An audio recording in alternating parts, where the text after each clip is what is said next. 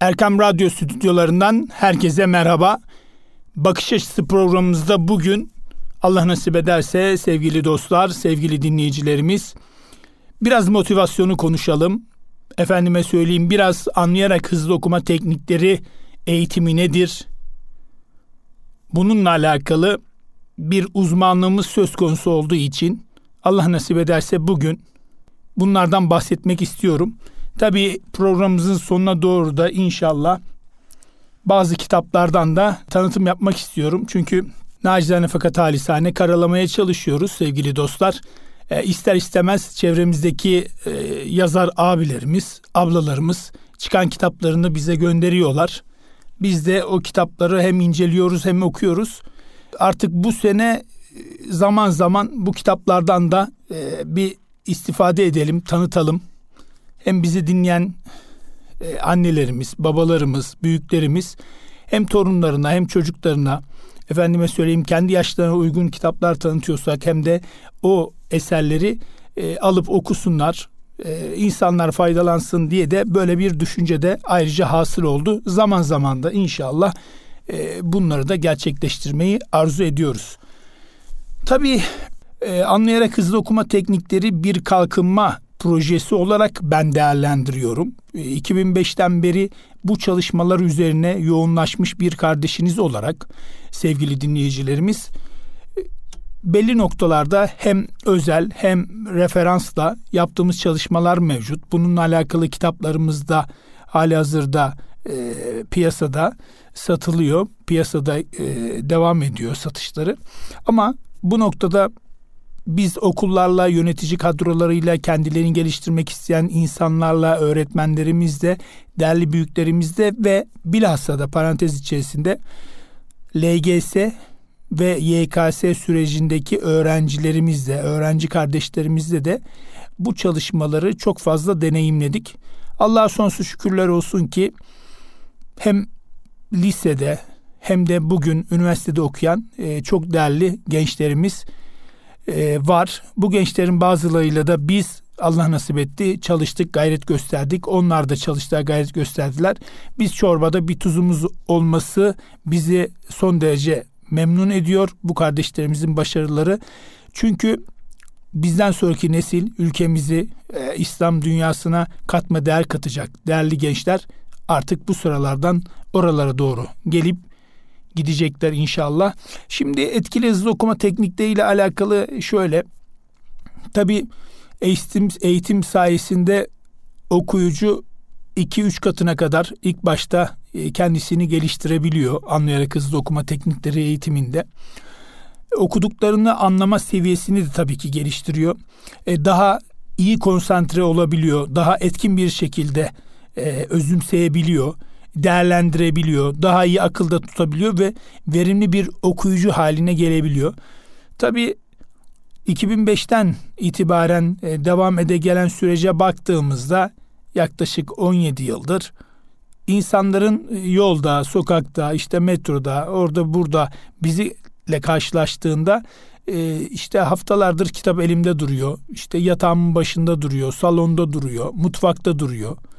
E, çalışma masamın önünde duruyor ama ben ona bakıyorum o bana bakıyor e, diyenlerle de karşılaştığımız oluyor.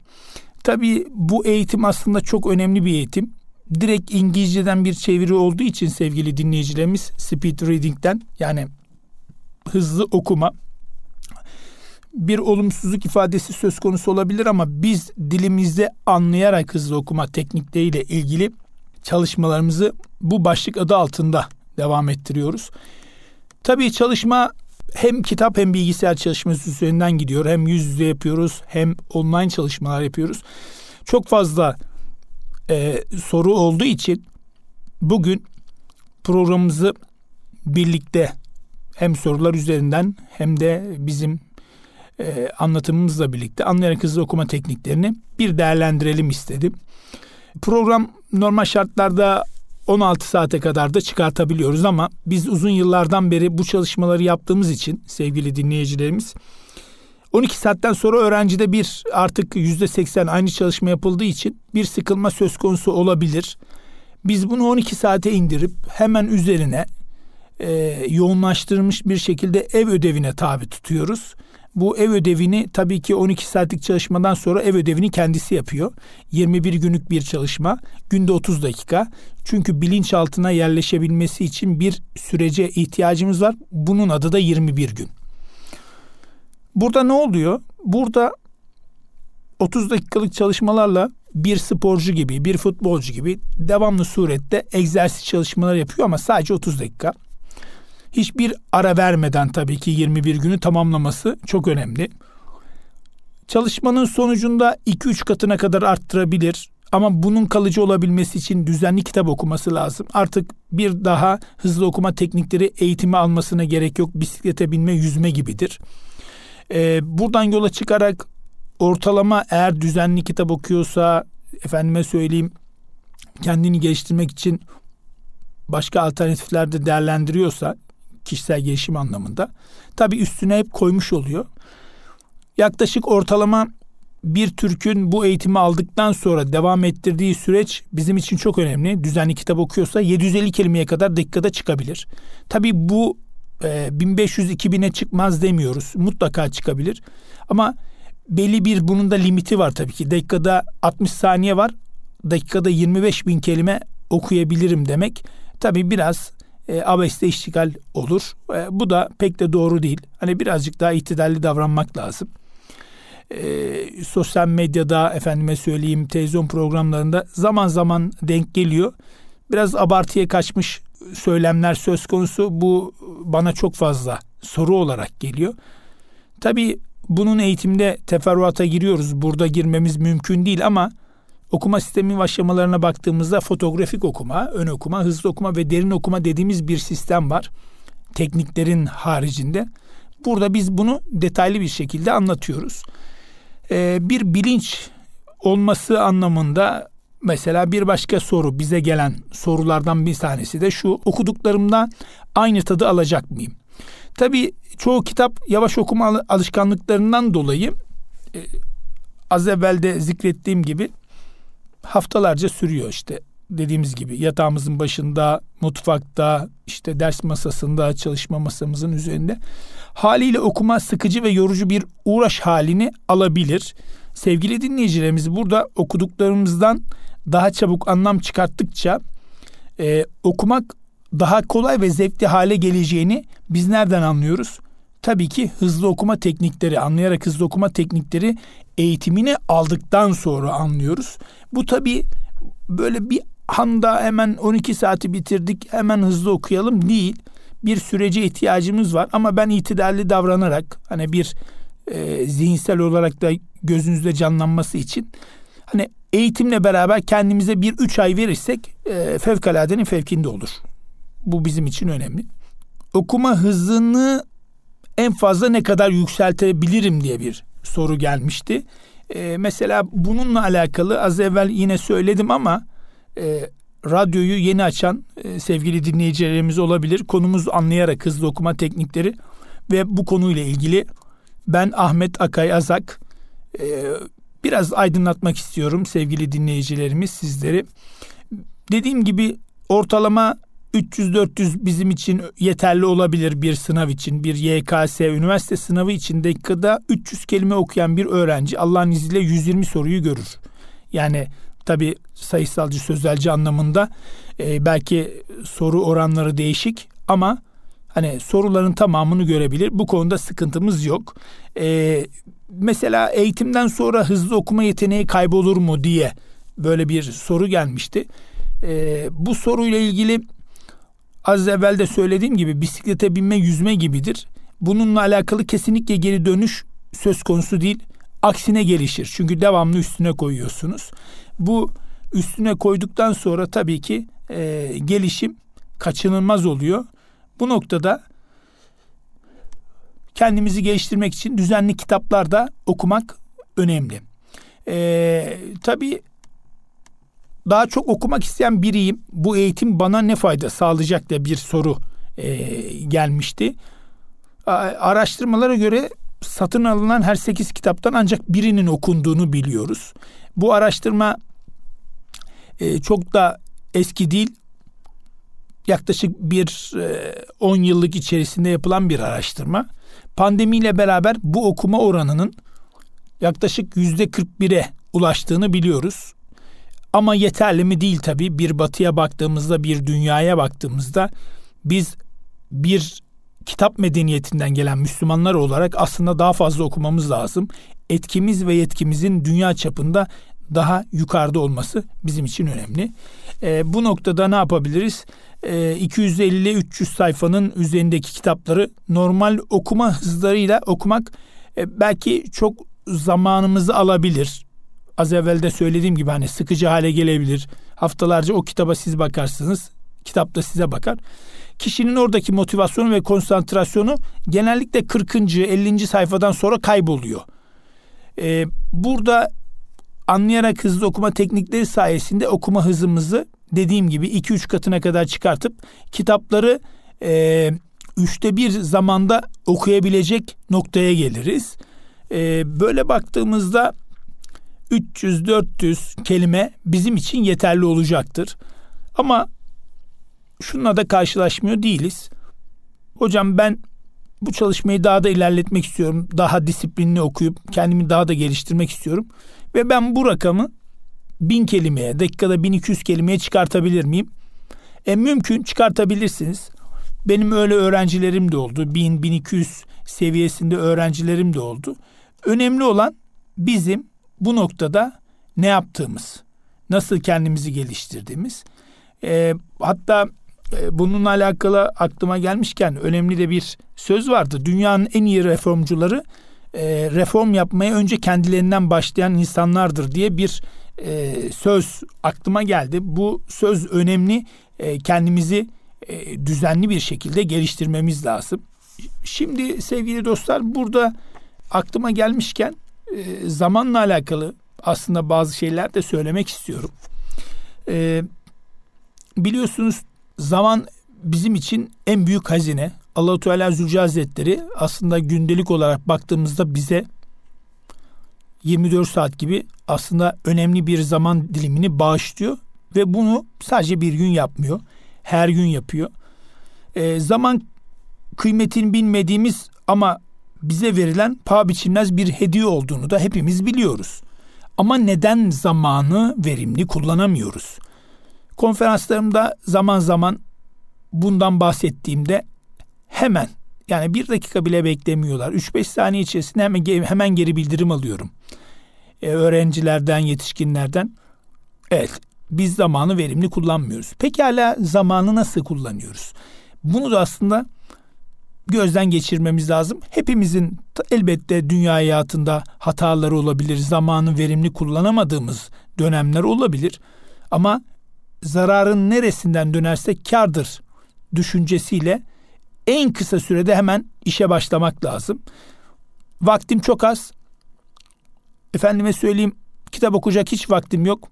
Şöyle güzel bir zamanım olursa hocam o zaman kitap okurum. İşte o zaman gelmez.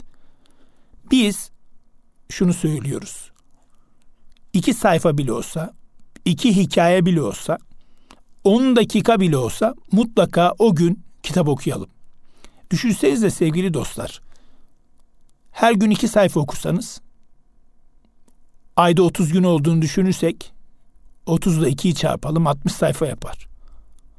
Bir ay sonunda 60 sayfa okumuşsunuz. Ama okumazsanız karşılığında sıfır.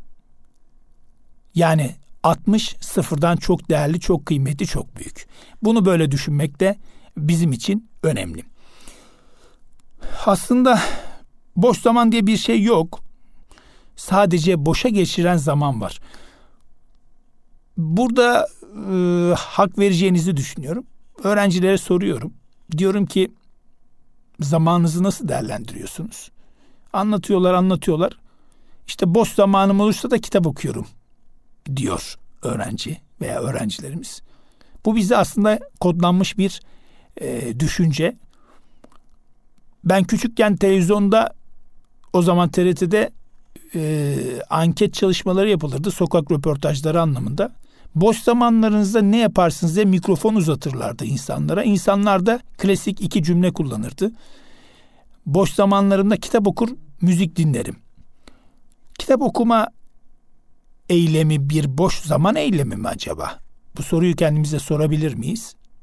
Elbette hayır. Kitap medeniyetinden geliyoruz ve boş olursak kitap okuyoruz öyle mi? Ben buna karşıyım. Elbette kitap boş zamanda okunmaz. Zaten değerli zamanda kitap okunur. Tabii zamanı geri alabilir miyiz? Durdurabilir miyiz? Ya da satın alabilir miyiz değerli dostlar? Elbette hayır. Değerini anlayamadığımız zamanı pekala verimli kullanma inisiyatifini bilemeyiz maalesef. Biliyor muyuz? Bilemiyoruz. Bunun yerine bir şey bulabiliyor muyuz? Bunun yerine de bir şey bulamıyoruz. Hepimizin ortak bilgisi olan Mimar Sinan'dan isterseniz biraz bahsedelim. Mimar Sinan bir eserini yapmadan önce sevgili dostlar, önce onu kafasında planlıyormuş. Ardından bu planı kağıda döküyor. En sonunda da bu planını cisimleştirmiş bir şekilde esere dönüştürüyormuş. Yani işte medreseler, camiler, kütüphaneler değil mi? Pekala eserin yapımı aşamasında bir yandan plana bakarken bir yandan da efendime söyleyeyim eserin planına ve e, o şartlar, arazi şartları ne kadar uygun olduğunu saptıyormuş. Yani aslında kontrolde ediyor. Pekala buradan sadece gençlere seslenmeyelim. Hepimiz kendimize bir planlama yapalım. Ama bu planlamayı yaparken önce düşünmemiz lazım. Hedeflerimiz nedir? Kısa, orta ve uzun vadede hedeflerimizin ne olduğunu hepimiz aslında bir düşünmemiz lazım. Şu anda bir düşünelim isterseniz. Bu hedeften kastımız bir öğrenci olabilir. İyi bir liseye gitme arzusu söz konusu olabilir. İyi bir üniversite olabilir. Yurt dışı eğitim olabilir. İslami ilimler söz konusu olabilir. Ama bu sadece hedef anlamında öğrenci için değil. Pekala bizi dinleyen e, babalar, anneler, iş adamları, iş insanları. Mesela sizler hedeflerinizi kısa, orta ve uzun vadede ne yapıyorsunuz? Planlayabiliyor musunuz? Kafanızda mı planlıyorsunuz? Eğer kafanızda planlıyorsanız o yarın bir gün uçup gidebilir. Ama bunu yazılı belgeler haline getiriyor musunuz? Eğer getiriyorsanız o zaman eylem planınızı vakit kaybetmeden hayata geçirebilirsiniz. Yıllar öncesinde 2005 yılında ben Altunizade Kültür Merkezi'nde eğitimler almıştım. Daha sonra bir büyüğümüz bize şunu söylemişti. 10 yıllık kalkınma planınızı yapın arkadaşlar. Tabii ki bir dakika sonra ne olacağını bilmiyoruz. Takdir ilahi. Ama biz Allah'ın izniyle bir mücadele içerisinde olduğumuz için zamanı verimli kullanma adına bu programı yapabiliriz, bu planı yapabiliriz. Ve ben o gün 5 yıllık bir plan yapmıştım. 5 yıllık planda affedersiniz 10 yıllık dedim zannedersem 5 yıllık plan yapın demişti. 5 yıllık planda 2005 ila 2010 yılları arasında neler yapabilirim diye düşündüğümde hepsini yazdım. İşte okul olsun, efendime söyleyeyim, iş hayatındaki başarı olsun. Ben orada yazdıklarımın arasında sadece birkaç tanesini hemen gerçekleştiremedim. Mesela bunlardan bir tanesi kitap yazımıydı. Ama o kitap yazımını yazılı hale getirdiğim için ve onu astığım için odama 2012'de Allah nasip etti ve kitabı vücuda getirebildik. Ama hedeflerimiz vardı. Ben eğer o hedefleri yazmamış olsaydım sevgili dinleyicilerimiz, inanın o kitap 2012'de de çıkmazdı. Uzar giderdi. Onun için bizler ne yapmamız lazım? Başarı grafiğimizi arttırabilmek için kendimizi önce geliştireceğiz ama bir planlama yapmamız lazım. Bu planlama bizler için çok önemli. Biliyorsunuz ki zorluklarla karşı karşıya kaldığımızda insanoğlu olarak ya yıkılıyoruz ya da bundan bir ders çıkarabiliyoruz. Ama uçurtmalar rüzgar gücü ile değil, o güce karşı koydukları için yükselirler der büyüklerimiz. O zaman bir rüzgar geldiğinde biz yıkılıyor muyuz yoksa gerçekten o rüzgara karşı ayakta durmak için bir mücadele veriyor muyuz? Tarih başarı yakalamış olan insanların başarıya ulaşmadan önce büyük engellerle karşı karşıya geldiklerini bize gösteriyor. Tarih kitaplarında var. İslam medeniyetimizde de bu mevcut. İnsanlığı değişime taşıyan, efendime söyleyeyim, karşısında şartlar ne olursa olsun başarıya ulaşan kişileri isterseniz şöyle bir hatırlayalım. Mesela peygamberimizden bahsedebiliriz. Hz. Muhammed sallallahu aleyhi ve sellem. Bizim peygamberimiz en güzel insan. Biliyorsunuz peygamberimize peygamberlik 40 yaşında gelmişti ve İslam dininin dünyaya yayılması için çalıştı ve başardı. Dikkat ederseniz yaklaşık 1500 yıldır da İslam medeniyeti dünyanın her yerinde elhamdülillah mevcut ve gittikçe de insanlığa ulaşıyor. Pekala böyle tarihimize doğru da yavaş yavaş gelelim. Mesela Selahaddin Eyyubi'ye baktığımızda Kudüs'ü fethetmeden gülmek bize yakışmaz dedi ve kısa zamanda ne yaptı? Kudüs'ü Fatih'i oldu. Bir hedefi vardı. Yalnız bu hedef için söylemde bulunmamak lazım. Zihinsel olarak da bir hayata geçirmek lazım. Ama bu hayata geçirmek için de belgeli olması lazım. Efendime söyleyeyim hayali, hayalimizi canlandırmamız lazım beynimizde. Bu bizim için önemli. Sevgili dinleyicilerimiz bir kısa aradan sonra kaldığımız yerden hemen devam edeceğiz inşallah. Kısa aradan sonra görüşmek üzere. Selamünaleyküm. Kısa bir aradan sonra sevgili dinleyicilerimiz Bakış Açısı programımız devam ediyor. Radyosunu yeni açanlar için tekrar edelim. Anlayarak hızlı okuma teknikleri noktasında ilk bölümde bazı soruları cevapladık. Eğitim hakkında görüş bildirdik. Alanımız olduğu için bu çalışmaları konuştuk ve zamanı, başarıyı verimli hale nasıl getiririz? Bununla alakalı hem sesli düşünüyoruz, efendime söyleyeyim hem de bazı örnekler vererek de yolumuza devam ediyoruz. Tabi ilk bölümde peygamberimizden sonra da Selahaddin Eyyubi'den bahsettim. Fatih Sultan Mehmet Han Hazretleri küçük yaşta hedeflediği İstanbul'u 21 yaşında fethetti. Pekala gençliğe soralım. Bizi dinleyen genç kardeşlerimize de ayrıca sormuş olalım. Hem yetişkinleri de soralım ama öğrenci kardeşlerimize özellikle de soralım. Eğer Fatih Sultan Mehmet Han Hazretleri lalasını dinlemiş olsaydı yani kendilerini yetiştirmiş olan insanlar var. Bir yandan da etrafındaki insanlar var söylemiş oldukları bu kadar İslam orduları İstanbul'u fethetmeye gitti ama İstanbul'u fethedemedi. Biz fethetme noktasında sıkıntı yaşayabiliriz. Yapmayın, etmeyin.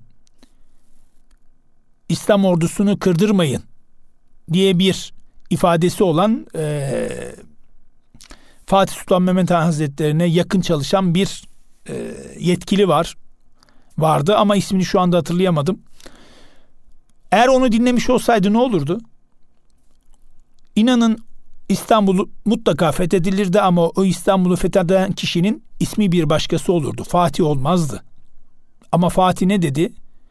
Ya ben İstanbul'u alırım ya İstanbul beni ifadesiyle yola çıktı ve Allah nasip etti. 53 gün süren bir kuşatmadan sonra hamdolsun İstanbul 29 Mayıs 1453'te fethedildi. Bir bakıyoruz İstanbul'a günümüze kadar Allah'a sonsuz şükürler olsun İslam medeniyeti olarak ayakta dimdik duruyor ve içinde bizler de yaşıyoruz. Mimar Sinan ilk bölümde biraz konuşmuştuk. En iyi eserim dediği Selimiye Camii'ni 83 yaşında yapmıştı. Pekala yine tekrar üniversite sınavına hazırlanan, LGS sınavına hazırlanan öğrenci kardeşlerimize buradan seslenmek istiyorum. Çok yoruluyorum. Anneciğim, babacığım. İşte bana zaman kalmıyor ne sosyal medyaya girebiliyorum, ne televizyon izleyebiliyorum, ne de arkadaşlarımla görüşebiliyorum. ifadelerini kullanan gençlerle karşılaşıyoruz. Ee, okumanın yaşı yok gençler. Bakın Mimar Sinan 83 yaşında Selimiye Camii'ni yapmış. Biz belki İstanbul'u fethedecek yaşta değiliz ama bu başarıları yakalayabilecek, kendimizi geliştirebilecek yaştayız. Ne yapmamız lazım? Dişimizi sıkmamız lazım. Bazı şeylerden feragat etmezsek başarıyı yakalayamayız. Başta da söylediğim gibi eğer başarıyı yakalamak istiyorsak Allah'a dua edeceğiz ama duanın yanında fiili olarak da çalışmak durumundayız. Hayat denilen ömür süresince gençler önümüze çeşitli yollar çıkar ve bu yollardan hangisini tercih edeceğimiz de tamamen bize kalmıştır. Değil mi? Allahu Teala bize bu noktada izin veriyor. Pekala kendinizi çaresizliğe mi yoksa mutsuzluğa mı? Efendime söyleyeyim karamsarlığa mı? Veyahut da buna benzer e, çeşitli yolları da seçebilirsiniz. Ya da sizi mutlu ve başarılı yapacak yolları da. Bir daha bunu tekrar edelim. Kendimizi çaresizliğe, mutsuzluğa, efendime söyleyeyim karamsarlığa götürecek yolları da seçebiliriz. Ya da bizi mutlu ve başarılı yapacak yollara da. Önce neye yapmak istiyoruz buna karar vermemiz gerekiyor. Tabii ki insanların hayat kalitesindeki farkı belirleyen şey sevgili gençler bir yol ayrımına geldiklerinde yaptıkları seçimdir. Unutmayın gençler ben hep konferanslarımda söylerim. Zirveler her zaman soğuktur arkadaşlar. Zirveye çıkmak kolay değildir. Soğuktur. Zordur. O mücadeleyi vermeniz gerekiyor. Yeri geldiğinde nefesiniz kesilebilir. Ama geçmişten günümüze başarı yakalamış insanların hayatlarına, biyografilerini okuduğumuzda inanın o merdivenleri böyle eli ceplerinde çıkmamışlardır. Yani bir peygamberimize baktığımızda o mücadeleyi görüyoruz. Tüm peygamberlere baktığımızda da o mücadeleyi görüyoruz. Selahaddin Eyyubi'de de görüyoruz. Fatih Sultan Mehmet Han Hazretlerinde de görüyoruz. Mimar Sinan'da da görüyoruz. İkinci Abdülhamit Han Hazretlerinde de görüyoruz. Tabi dünya ağır siklet boks şampiyonumuz Allah rahmet eylesin. Siyah inci Muhammed Ali'de de görüyoruz. Malcolm X'te de görüyoruz. Yani Şeyh Şamil'de de görüyoruz. Ömer Muhtar'da da görüyoruz. Önemli olan ne yapmak istiyoruz? Eğer kendi standartlarımızı zirveye taşımaya niyetliysek karşımıza çıkacak olan yollardan en doğrusunu elbette seçeceğiz. Ancak diğer türlü hayat bizi kaybedenler zindanında bir ömür boyu hapsedecektir arkadaşlar. Buna da bunu da iyi düşünmemiz ve iyi değerlendirmemiz lazım. Elbette ki dünyadaki sistemler farklı olabilir. Bizden bizim sistemimiz biraz daha farklı olabilir. Ama inanın o verdiğiniz 8 ay, o verdiğiniz 10 aylık mücadelenin sonunda karşılığını almış olacağınız o başarı Allah'ın izniyle sizi mutlu edecek. Tabii ki bu başarı tek başına değil. İlk bölümde de söylediğim gibi dua edeceğiz Allah'a ama fiili olarak da ne yapacağız? Derslerimize çalışacağız. Bunlar önemli şeyler. Yol haritamızda belirleme, belirlemiş olmamız da gerekiyor. ne diyoruz? Hayat yol ayrımlarından ibarettir diyoruz. En büyük girişimcilere baktığımızda arkadaşlar her ne kadar iflas etseler de o mücadeleyi hiçbir zaman bırakmamışlar. Birkaç soru sormak istiyorum. Beni dinleyen gençler, beni dinleyen büyüklerimiz. Acaba farklı bir bakış açımız var mı? Hayata dair. Esnek miyiz? Olaylara dair. Gerçekten hayatta bazen önümüzde büyük engeller çıkıyor mu? Elbette çıkıyor. Ama bu, bu sırada bir karar vermemiz gerekiyor. Pekala sorumluluk sahibi miyiz? Ya da şöyle bir soru sorabilirim. Nelere sahip olduğumuzu biliyor muyuz? Allah bizi yarattı ve içimizde çeşitli yetenekler var, kodlar var. Ama bu yetenekleri ortaya çıkarmak da bizim elimizde. Değil mi? Allahu Teala bizi yaratırken kafamızın arkasına da bir beyin koymuş. Bu beyni ne yapmak lazım? Çalıştırmak lazım. Hani derler ya zamanın birinde bir kişi madem biz Müslümanız rızkı da Allah veriyor. O zaman ben oturayım rızkı Allah gönderir. Der ve günlerce oturur. Etrafından geçer, birileri önünden geçer. Hiç kimseden bir şey istemez. Birkaç gün geçince artık yorgunluk artar. Der ki bu böyle olmuyor. Demek ki ne yapmak lazım? Allah rızkı yaratmış. Bu rızkı arayıp bulmak lazım. Pekala benim yeteneğim yok diyenleri duyar gibiyim. Allahu Teala her insana farklı özellikler vermiştir. Ve bu özelliklere baktığımızda kimisi sayısalcıdır, kimisi sözelcidir, kimisi eşit ağırlıktır, kimisi matematiği çok sever, kimisi Türkçeyi, edebiyatı çok sever, kimisi yabancı dili çok sever, kimisi tarihi çok sever. Herkes aynı olmaz. Herkes tarihçi olamadığı gibi herkes matematikçi de olamaz. Çünkü Allah herkese farklı yetenekler vermiştir. Az matematik yapıyorsundur ama tarihin çok iyidir, Türkçen çok iyidir. Ya da çok matematik yapıyorsun, Türkçen azdır. Ama vardır, hiç yok değildir. Düşünsenize herkes matematikçi olsa, herkes mühendis olsa o zaman radyoda kim konuşacak?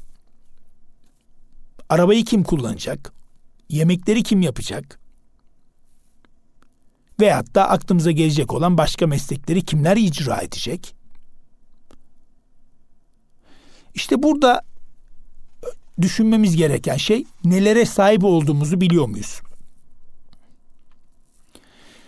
Bir gün Nasrettin Hoca'ya bir adam gelir ve hoca ben buradan şehre ne kadar zamanda varırım diye sorar. Hoca ben nereden bileyim diye cevap verir. Adam ısrar eder ama hoca bir cevap vermez. Adam bir cevap alamayacağını anlayınca şehre doğru yürümeye başlar.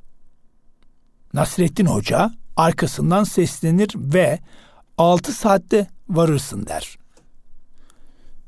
Adam kızar ve hocaya madem biliyordun neden baştan söylemedin diye de çıkışır. Nasrettin Hoca ise adama şöyle cevap verir. Ben senin nasıl yürüyeceğini nereden bilebilirdim ki? Evet, yeteneklerimizi ortaya çıkarabilmek için çalışmak, gayret göstermek, başarılı insanların hayat hikayelerini okuyarak onlardan ders çıkartmamız lazım. Yoksa Nasrettin Hoca'nın hikayesi gibi nereden bilebiliriz ki ne nasıl yürüyorsunuz? Nasıl bir mücadele veriyorsunuz ki? Bunu nasıl görebiliriz?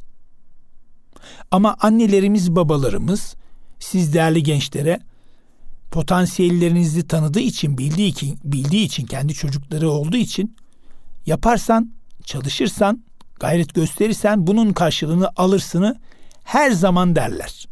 Biz bunları e, temaşa ediyoruz, duyuyoruz, görüyoruz. Öğrenci kardeşlerimiz de lütfen kendilerine inansınlar. Allah'a dua etsinler ve bu mücadeleyi bırakmasınlar. Tabii burada hemen aklıma farklı bir soru daha geldi. Programımız bitiyor maalesef ama şu soruyu da sormak istiyorum. Gençler, annelerimiz, babalarımız, bizi dinleyenler kendimize ne kadar inanıyoruz? Bu soruyu bir soralım kendimize. Bir mücadele içerisinde olmak için ne yapıyoruz? Kendimize ne kadar inanıyoruz?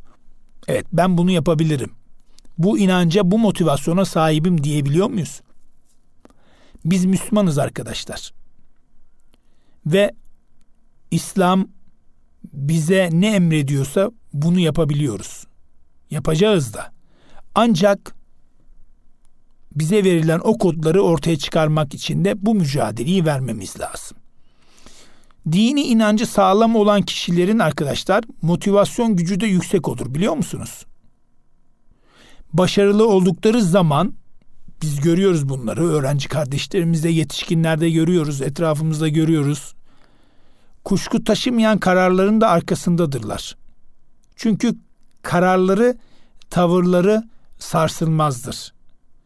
Başarılı olacaklarına, bu başarıdan kastımız sadece ders çalışmak değil, sadece meslek icra etmek değil, Allah'ın iyi bir kulu olma anlamında da başarılı olmamız gerekiyor kalben güçlü bir şekilde inanır ve yeteneklerin farkına varıp hedeflerine doğru da odaklanırlar. Allah'ın rızasını kazanmak da bizim için bir hedef değil mi? Elbette hedef. O zaman motivasyonumuzu yüksek tutmak çok önemli ama inancı olan insanların motivasyonu çok yüksektir. Tabii programımız bitmek üzere ancak odaklanma ile ilgili, güçlü hedeflerle ilgili müsaadeniz olsa bir örnek vermek istiyorum. Bu örnek önemli bir örnek. 19 Temmuz 711 Tarık bin Ziyad 12 bin kişilik askeri ordusuyla İspanya topraklarına girer. Geçtiğimiz hafta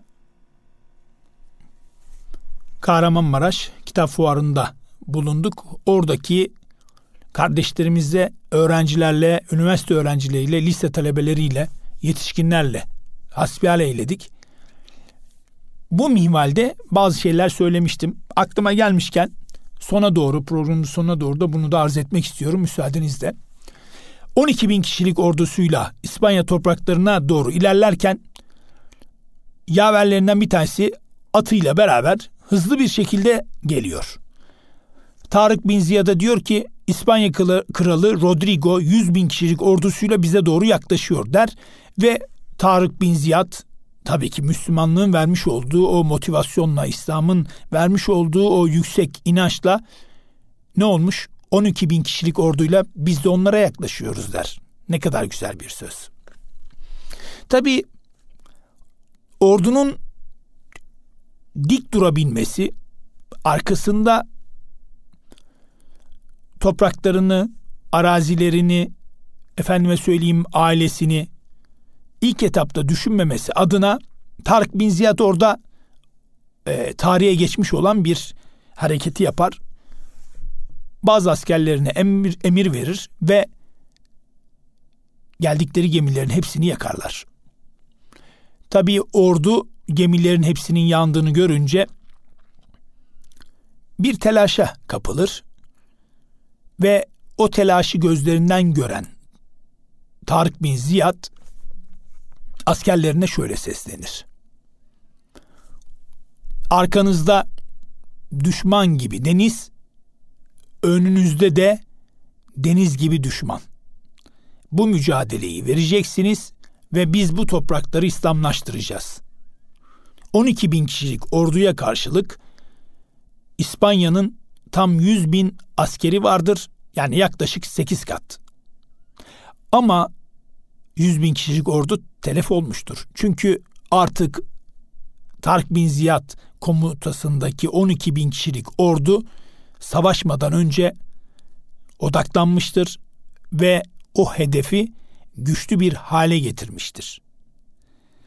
Onun için sevgili dostlar biz hayatta ne yapmak istiyorsak bunun için bir bedel ödemeliyiz ve bu bedel için mecaz anlamda söylüyorum gemileri yakmalıyız. Acaba biz hangi gemileri yaktık? Müsaadeniz olursa programımızı bitirmeden evvel önümde bazı kitaplar var.